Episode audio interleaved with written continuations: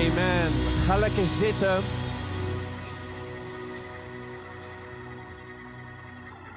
Zo mooi. Ik glij hier gewoon uit over. Ik weet niet of het de bier is of ik, ik laat het houden bij het schoonmaakmiddel wat hier staat. Als jullie dus halverwege in één keer zo mijn weg zien gaan, dan kan het zijn dat ik in de geest gevallen ben of gewoon uitgegleden ben. Kijk eens, een mooi spiegeltje. hey, het is feest vandaag. Het is feest, want we gaan dopen. Yes. We gaan zeven mensen dopen. Het is zo bijzonder. Voor mij persoonlijk is het extra bijzonder, want ik mag naast een neef, uh, die ik, neefje, die ik ga dopen, mag ik ook mijn eigen moeder dopen vandaag. Hoe bijzonder is dat? 43 jaar geleden heeft ze mij laten dopen in de gereformeerde kerk. En uh, ik ben gewoon zo dankbaar. Ze zit nog steeds in die kerk, maar uh, ze gelooft in de doop. En uh, ze gaat zich vandaag op haar 70ste gaat ze zich laten dopen. Ja. Halleluja. Hey, en ik wil het daar vandaag ook graag met jullie over hebben, over de doop. De doop is ons allen bekend. Toch denk ik dat er dimensies zijn van de doop dat God de bedoeling heeft met de doop die misschien niet bij ons allen bekend is. Ik denk dat er veel meer waarde hecht en er is veel meer gebeurt bij een doop dan wij ons soms beseffen. Daar wil ik graag met jullie vandaag, ik wil graag het woord induiken. Ik wil God vragen om ons, om ons hart te openen en openbaringen te geven, zodat hij tot ons gaat spreken. Dus laten we bidden voor het woord. Vader in de hemel, dank u wel. Vader, we komen samen hier vandaag. En op dit moment is dit uw huis. Het is uw tempel. En uw Heilige Geest is hier. Dank u wel. We bidden voor deze club, Vader. We bidden voor alle bezoekers door de week en alle bezoekers vandaag. Dat een ieder mag proeven dat u echt bent, dat u leeft en dat u regeert. En dat in dit huis vele mensen tot geloof mogen komen. In Jezus' naam. Amen. Hey, in de Bijbel geeft God ons meerdere opdrachten. Maar een van de grootste opdrachten die hij natuurlijk uh, geeft is: ga heen, vertel de volken over mij en doop ze in de naam van de Vader, de Zoon en de Heilige Geest. En in Handelingen lezen we dat Petrus ook de gemeente toespreekt en die zegt: bekeer u en laat u dopen. Bekeer u en laat u dopen. En die twee die twee even, uh, events, die twee items, bekeren en het laten dopen, zijn van wezenlijk belang voor ons als christen. En ik denk dat het goed is om eens dieper in te duiken en te kijken wat gebeurt er nou als we ons bekeren.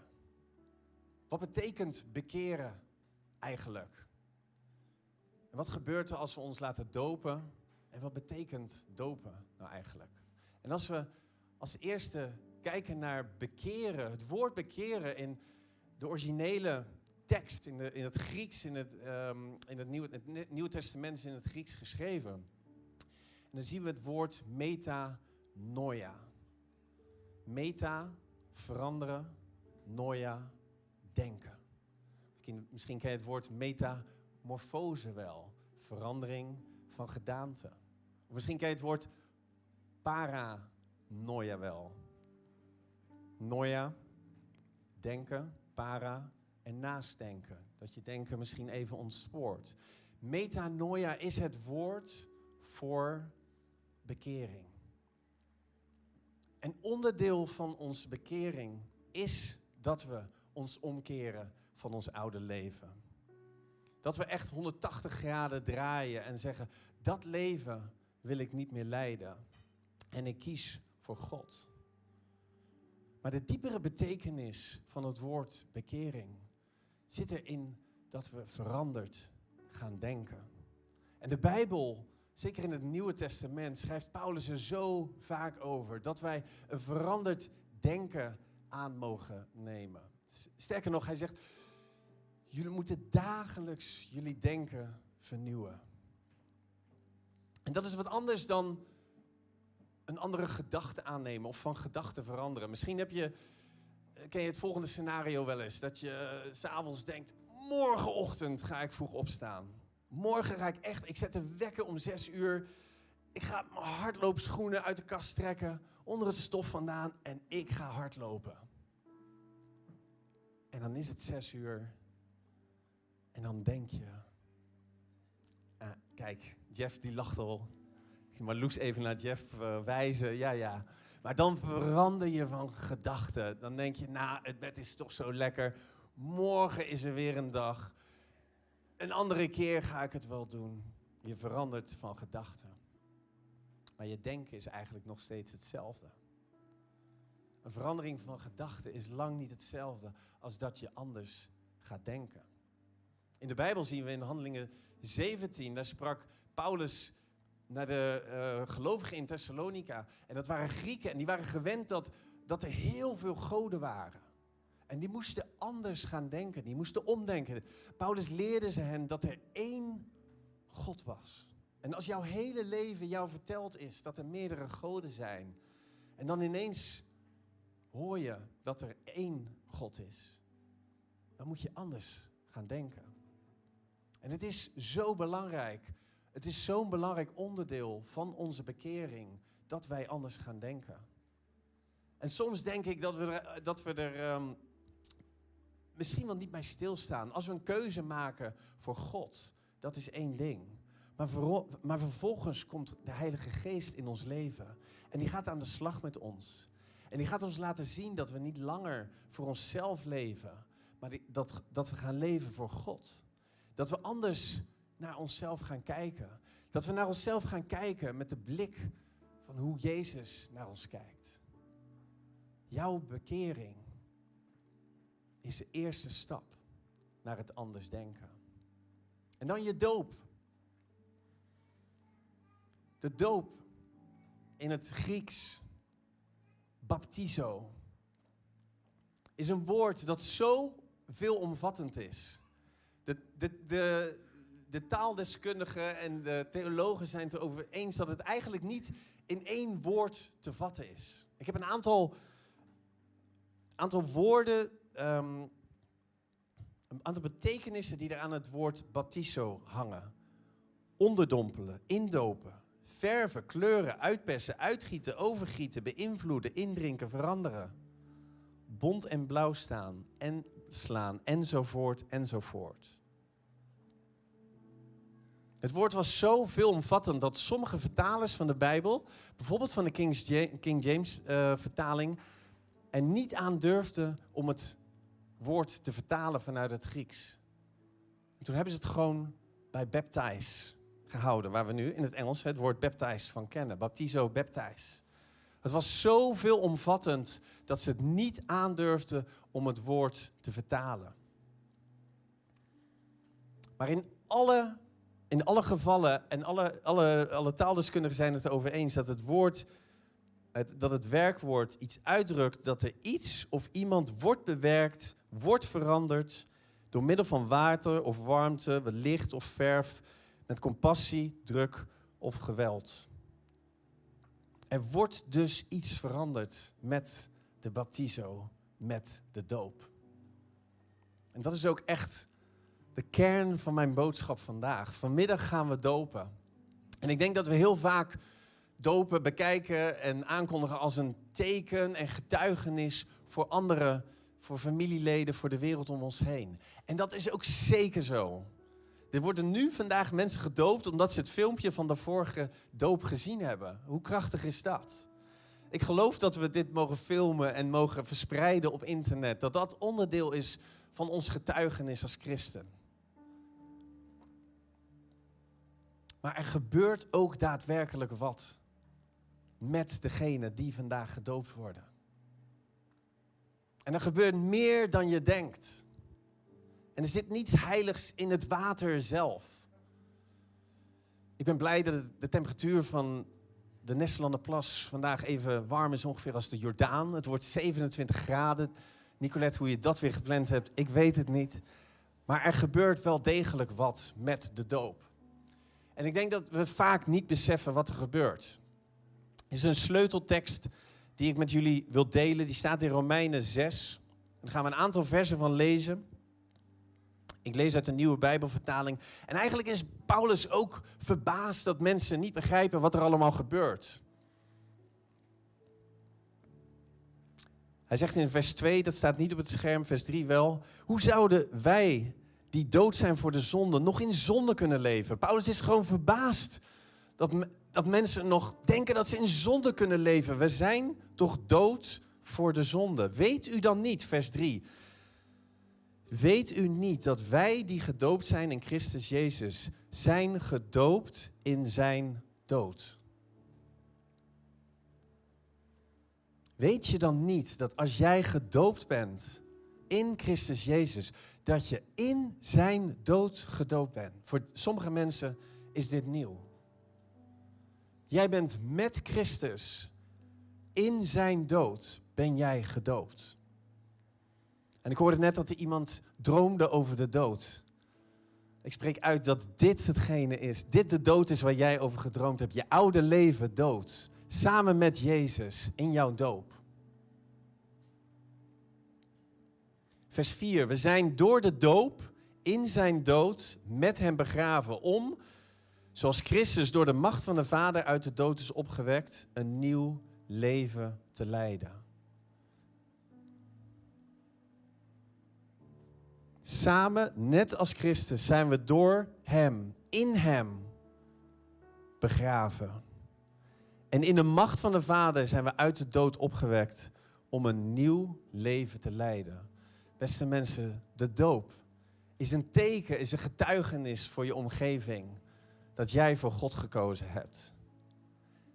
En het is heel krachtig, want in openbaringen staat er door het bloed van het lam en de getuigenis die wij hebben dat we daarmee de vijand verslaan. Maar ik geloof ook, en het staat hier zo, zo stellig, dat er vandaag de mensen die gedoopt worden in een nieuw leven weer naar boven komen. Vers 5, als we dan delen in zijn dood, zullen we ook delen in zijn opstanding. Immers we weten dat ons oude bestaan met hem gekruisigd is omdat er een einde moest komen aan ons zondige leven. We mochten niet langer slaven zijn van de zonde. Wie gestorven is, is rechtersvrij van de zonde.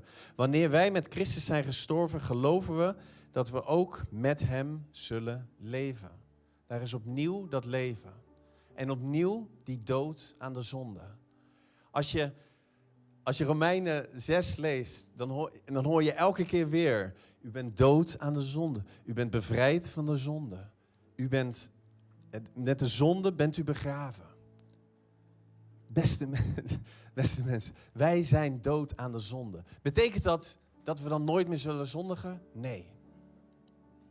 Maar het is wel heel belangrijk hoe wij naar onszelf kijken. Vers 11, ik maak even een sprongetje. Zo moet u uzelf ook zien dood voor de zonde, daar is hij weer. Maar in Christus Jezus levend voor God. Ik heb even een mooi spiegeltje van mijn vrouw meegenomen van thuis. Vroeger keek ik wat vaker in de spiegel dan nu. Sommigen van jullie kijken nog regelmatig in de spiegel, heel vaak. En ik vraag me af, als jij zo in de spiegel kijkt en deze opdracht leest, uit Romeinen 6, vers 11. Zo moet u zichzelf zien. Dood aan de zonde, maar in Christus levend voor God. Ik ben dood aan de zonde, maar ik ben levend voor God. Dat is wat jij en ik, en zeker de doperlingen, vandaag mogen uitspreken. Wij zijn met Hem, met onze doop, begraven. Het is zo mooi dat wij dopen, de dopelingen staan zo. Als teken van het kruis, het is echt een symbool dat je met Jezus in zijn dood wordt gekruisigd. Het staat hier in Romeinen 6. Je gaat onder, je wordt ondergedompeld, waar het donker is, waar we je niet te lang zullen houden. Het is een teken, een symbool dat jouw oude leven met Hem begraven is. En dan als derde sta je op in een nieuw leven met Hem. Het is zo krachtig. Het is zo krachtig. En we zien, de gros van de mensen hier die hier zitten, die zijn gedoopt. En die hebben dit aan de lijve en in je, in je geest en alles hebben we dat ervaren in ons leven. Dat er nieuw leven is. Het denken is veranderd. God, God bemoedigt zich, uh, ons wel in zijn, in zijn woord hier in Romeinen. Om continu weer terug te gaan naar datgene wat Hij ons hier belooft. Je oude leven is achter je gelaten. Je bent met Hem begraven. Je oude leven is niet meer.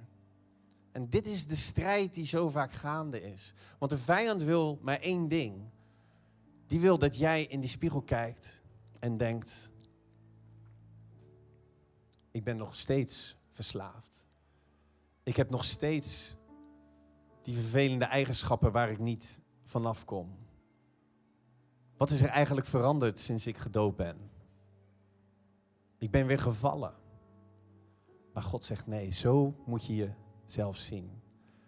Je oude leven is met mij, is in mijn dood, zegt Jezus, begraven. En nu ben je levend met Hem. En hij gaat verder in vers 13, dan zegt hij, stelt u zelf dan niet langer in dienst van de zonde als een werktuig voor het onrecht, maar stel uzelf in dienst van God. Denk aan uzelf als levende die uit de dood, dood zijn opgewekt en stel uzelf in dienst van God als een werktuig voor gerechtigheid. De zonde mag niet langer over u heersen, want u staat niet onder, wet, onder de wet, maar u leeft onder genade. We lezen hier twee keer het woord werktuig en in dienst zijn. Weet je, een werktuig Jij en ik zijn werktuigen. We kunnen onszelf in dienst stellen van ons oude leven, of we kunnen onszelf in dienst stellen van God. En vaak wat je ziet is dat we tot geloof komen en dan gaan we dingen voor God doen. Dan gaan we onszelf in dienst stellen van God. Dan gaan we misschien helpen in de kerk. Dan gaan we misschien uh, anderen vertellen over God. En dat is allemaal goed. En dat is wat God hier van ons vraagt. Maar het staat of valt met hoe wij s'morgens onszelf zien. Hoe wij naar ons kijken.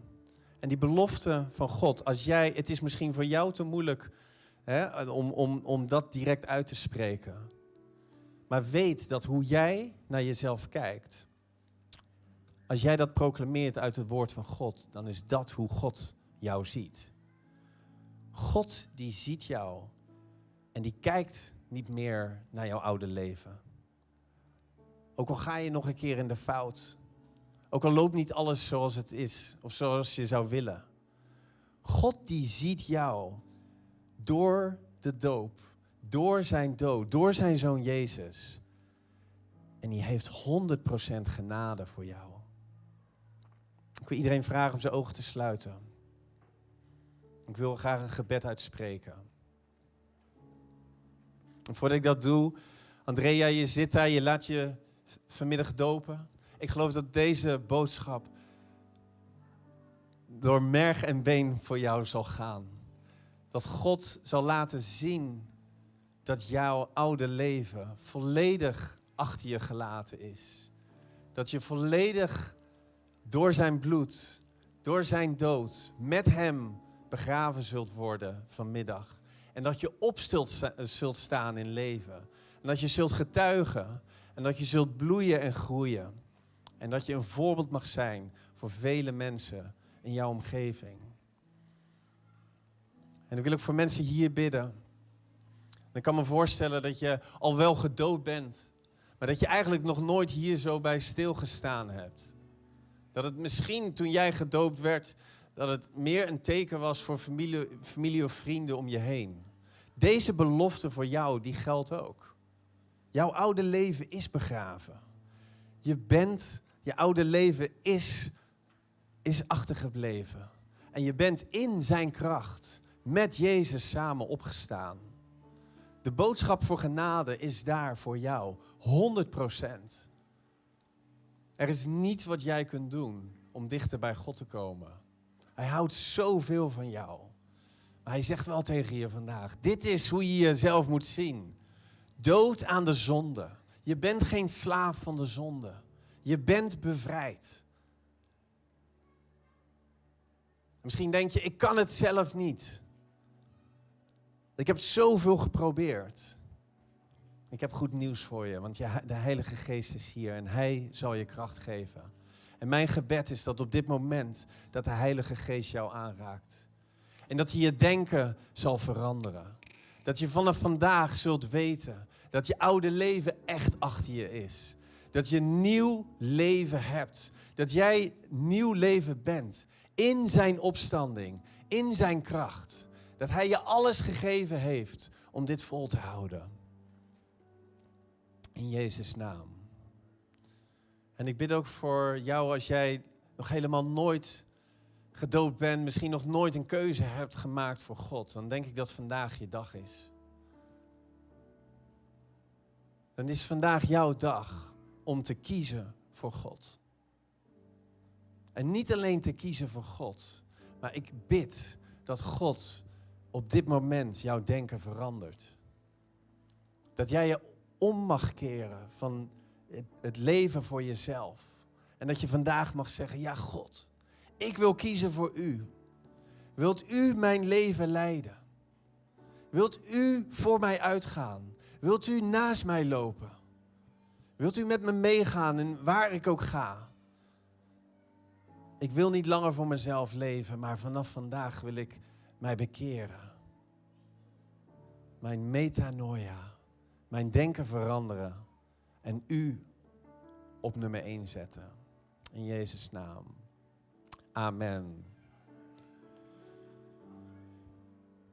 Hey, ik geloof dat er, wat we wekelijks zien, zeker de afgelopen weken, is dat mensen keuzes maken door God. Dat God mensen aanraakt. We horen elke week getuigenissen van wat God aan het doen is. En ik geloof dat vandaag ook zo'n dag is dat mensen veranderd zijn. Dat de Heilige Geest, dat de Heilige Geest jou veranderd heeft. Ik wil in elk geval een applaus vragen voor al die mensen die in hun hoofd vandaag een keuze hebben gemaakt. Laten we een applaus geven, want elke week zien we dat. En we geven hiermee God de eer en God de glorie. En weet je, wij willen er als kerk voor jou zijn. We hebben heel veel activiteiten, zoals vanmiddag gepland, uh, om jou te helpen God te leren kennen. Vrijheid te ervaren en uiteindelijk als een werktuig voor Hem, in dienst van Hem, een verschil te maken in deze wereld. Dus daar wil ik je echt mee zegenen. En um, wil ik vragen Daniel naar voren te komen voor uh, announcements voor deze week.